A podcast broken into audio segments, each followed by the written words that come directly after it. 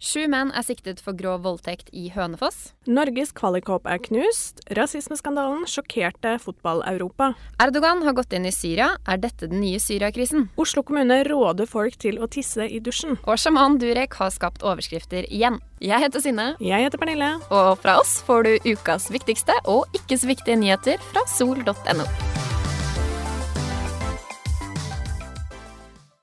Vi starter med saken som eh, i hvert fall har opprørt meg mest denne uken. Eh, natt til tirsdag gikk politiet til storaksjon mot en bolig i Hønefoss, der sju menn ble siktet for grov voldtekt av en kvinne i 20-årene. Ja, her er det viktig å påpeke at vi vet ikke hva som har skjedd, og vi var heller ikke til stede.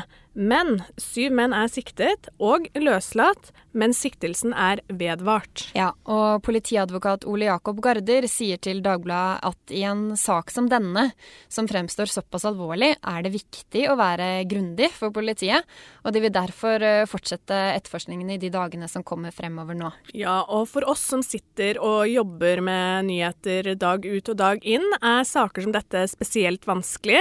Eh, både fordi det som har skjedd, har skjedd på et lite sted, så identifisering er en faktor vi må ta hensyn til. Og det at vi rett og slett ikke vet nok om selve saken. Det jeg merker eh, som enkeltmenneske, og som meg selv, når det kommer saker som dette inn eh, til oss i Sol, er jo hvor mye det påvirker meg. Eh, jeg blir plutselig redd igjen for å gå hjem om kvelden, og jeg merker at nøkkelknippet fort eh, havner mellom fingrene i frykt for at eh, de som går bak meg, skal finne på å gjøre noe man absolutt ikke har lyst til. Og jeg har jo virkelig ikke lyst til å gå rundt og være redd, men, eh, men, det påvirker meg. Det gjør det faktisk. Ja, akkurat det der kan jeg kjenne meg veldig enig i. Eh, jeg føler på mye av det samme som du gjør. I tillegg så vet jeg om flere gutter som også blir redde eh, på en helt annen måte, selvfølgelig. De blir redde for å gå bak jenter, spesielt i mørket, og er redde for å skremme kvinner bare ved å være til stede. Ja, og det, akkurat det der er jo veldig trist. Eh, fordi jeg er jo såpass at jeg tenker at de fleste, eller alle mennesker, er gode. Og jeg syns det er ubehagelig også hvis en uh, gutt som går bak meg, skal føle på at eh, jeg skal bli redd. Fordi eh, begge to skal tilfeldigvis hjem samtidig klokka tolv om natta. Ja, for det er nettopp det som er med denne saken og lignende saker. De fleste av oss blir berørte.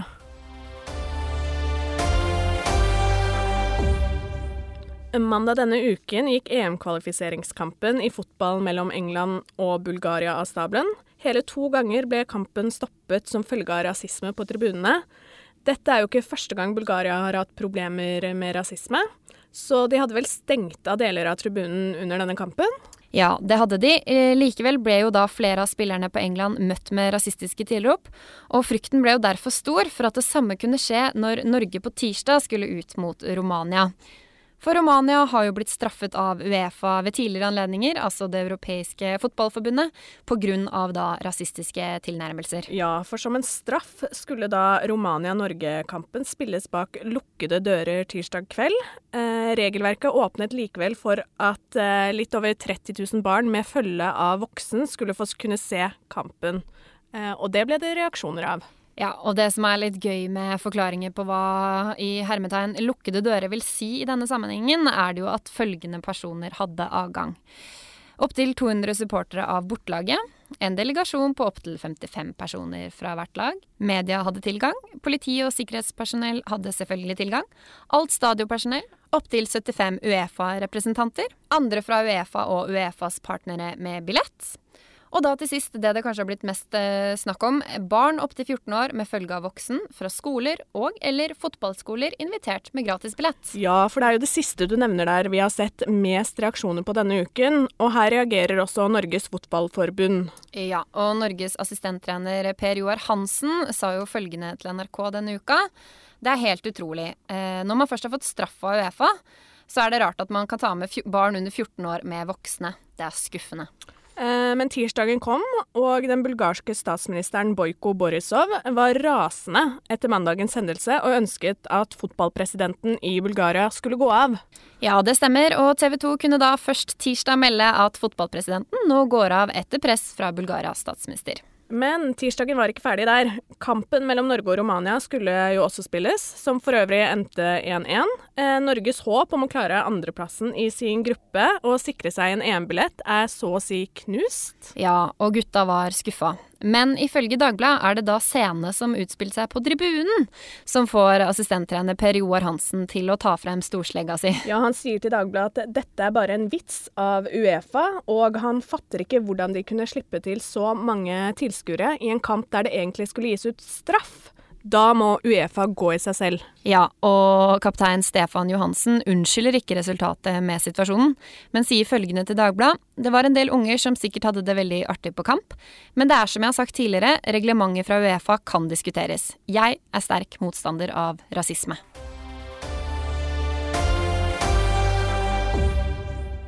NRK har publisert saken med følgende overskrift Oslo kommune råder folk til å tisse i dusjen.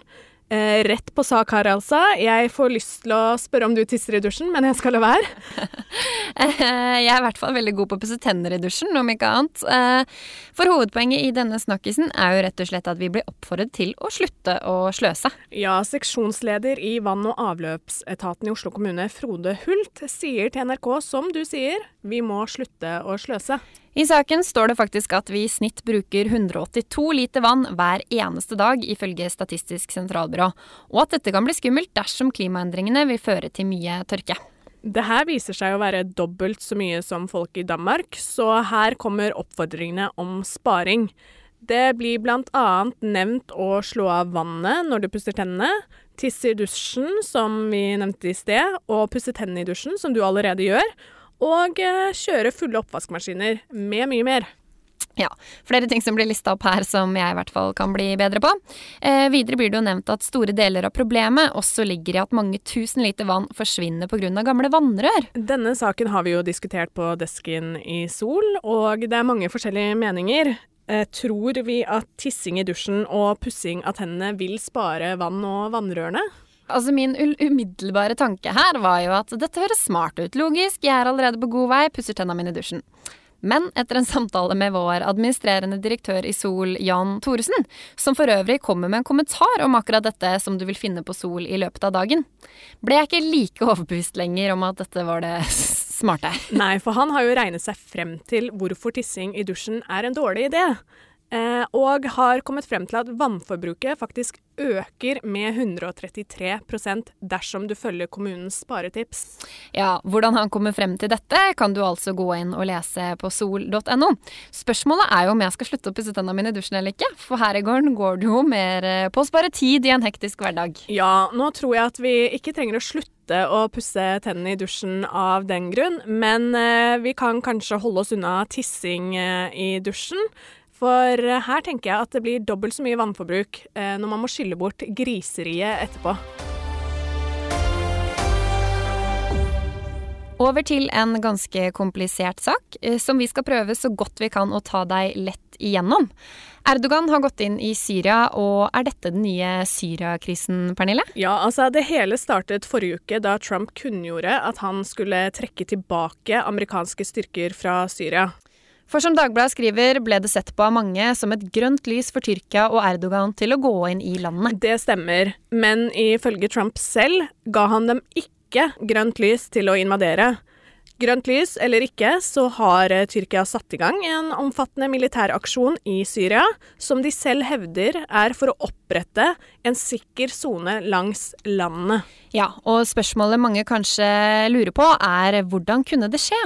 Og som VG skriver, hadde det mest sannsynlig ikke skjedd eh, uten Trump eh, sin kunngjøring. Nei, det er nok sant, for nå står den kurdiske YPG-militsen, som er en kurdisk gruppe i Syria, alene mot tyrkerne. Eh, og det er nettopp dette som er roten til så veldig mye kurderne. De har så lenge stått uten noen selvstendig stat, og Erdogan frykter nå at de vil kreve en egen en, slik som de har gjort både i Syria og Irak. IS var jo på vei til å bli helt nedkjempet i regionen, og at dette nå blusser opp, betyr at det i bunn og grunn er en ny Syriakrise. Eh, for, Erdogan har truet med at han vil eh, i hermetegn åpne portene og sende en flom av flyktninger til Europa dersom denne operasjonen kritiseres. Nettopp. Eh, situasjonen er både farlig og spent, og den påvirker så utrolig mye.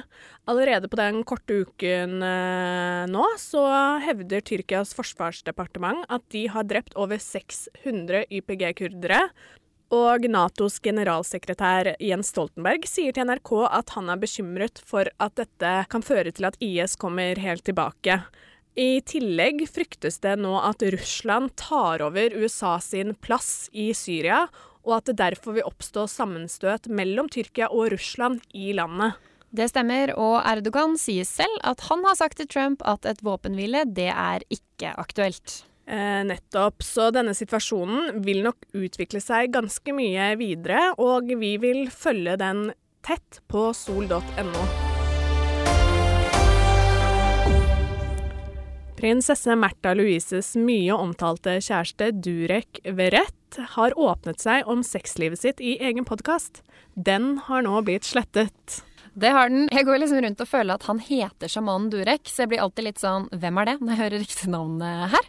Eh, men det stemmer. I sin egen podkast eh, Ancient Wisdom Today snakket han åpenhjertig om private sexdetaljer. Altså, du er sammen med en prinsesse.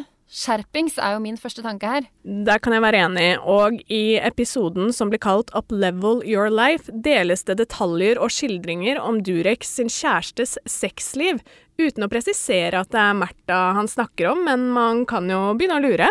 Uh, og denne podkasten kan man absolutt kalle en snakkis. Etter at dette forholdet ble offisielt, har det virkelig ikke vært mangel på overskrifter fra sjamanen. Nei, uh, og det er ikke akkurat lite kontroversielle uttalelser som kommer fra denne mannen heller. Og denne poden kan man jo kanskje si at overgår mye. For i denne episoden uh, forteller Verrett at han har i en årrekke trent på å styre sin egen utløsning for å kunne tilfredsstille sexpartneren best mulig. Og dette snakkes det mye rundt i denne podkast-episoden. Episoden ble slettet denne uken, eller i alle fall gjort utilgjengelig for lyttere. Men under et Instagram-bilde han har postet fra sin egen profil, sier han blant annet i løpet av livet gjør vi mange feil, noen store og noen små. Uansett er dette livet. Å lære å vokse og bli bedre enn vi var før. Ubegrenset kjærlighet og støtte er det som virkelig hjelper deg til å reise deg og være en arvesleder. Til gudinnen, min kjæreste, prinsesse Märtha Louise, til venstre for meg, takk for at du peker ut veier for meg til å bli en bedre mann. Det er store ord, ja. Jeg blir helt sånn wow. Dette Sånn har aldri noen sagt til meg. Märtha Louise forsvarer Durek eh, torsdag under et nytt eh, Instagram-bilde. Eh, sitat, Man trenger da for all del ikke være enig med ham. Flere har jo kritisert eh, eh, boka til Durek under eh, et bilde hun la ut. Og det er der hun altså slår tilbake mot all kritikken som kjæresten da har fått under dette bildet. Ja, så nå virker det som at kjærligheten mellom dem aldri har vært sterkere. Durek har mange baller i lufta, og nå kommer det altså ut en bok eh, om selvhjelp og sjamanisme. Ja, når man ikke trodde det når man trodde det skulle ende der. Katrine Krøger anmelder boken i Dagbladet under tittelen 'Galmanns tale' og gir boken terningkast én. Hun skriver følgende Ved siden av sin skrudde verdensanskuelse kommer Durek med tips til åndelige øvelser. Det kan dreie seg om å rense deg fra slagg fra mange seksualpartnere.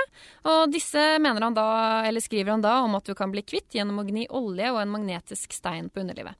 Tror du dette kan ha noe effekt, Pernille? Eh, ikke vet jeg, men han hevder i hvert fall i boken at eh, ånder kan forårsake kjønnssykdommer, noe sexolog Bente Træen eh, selvfølgelig mener er sprøyt. Ja, Vi har jo ikke lest boken ennå. Får du lyst til å lese den? Nei, det gjør jeg ikke. Gjør ikke? Helt enkelt. Eh, jeg tror ikke på sjamanisme. Jeg tror ikke på ånder. Eh, det her er ikke en bok for meg. Nei, jeg er jo litt mer alternativ og kan plutselig bli lurt til å tro på eh, stort og smått. Men eh, ja, nei, jeg har litt lyst til å lese den.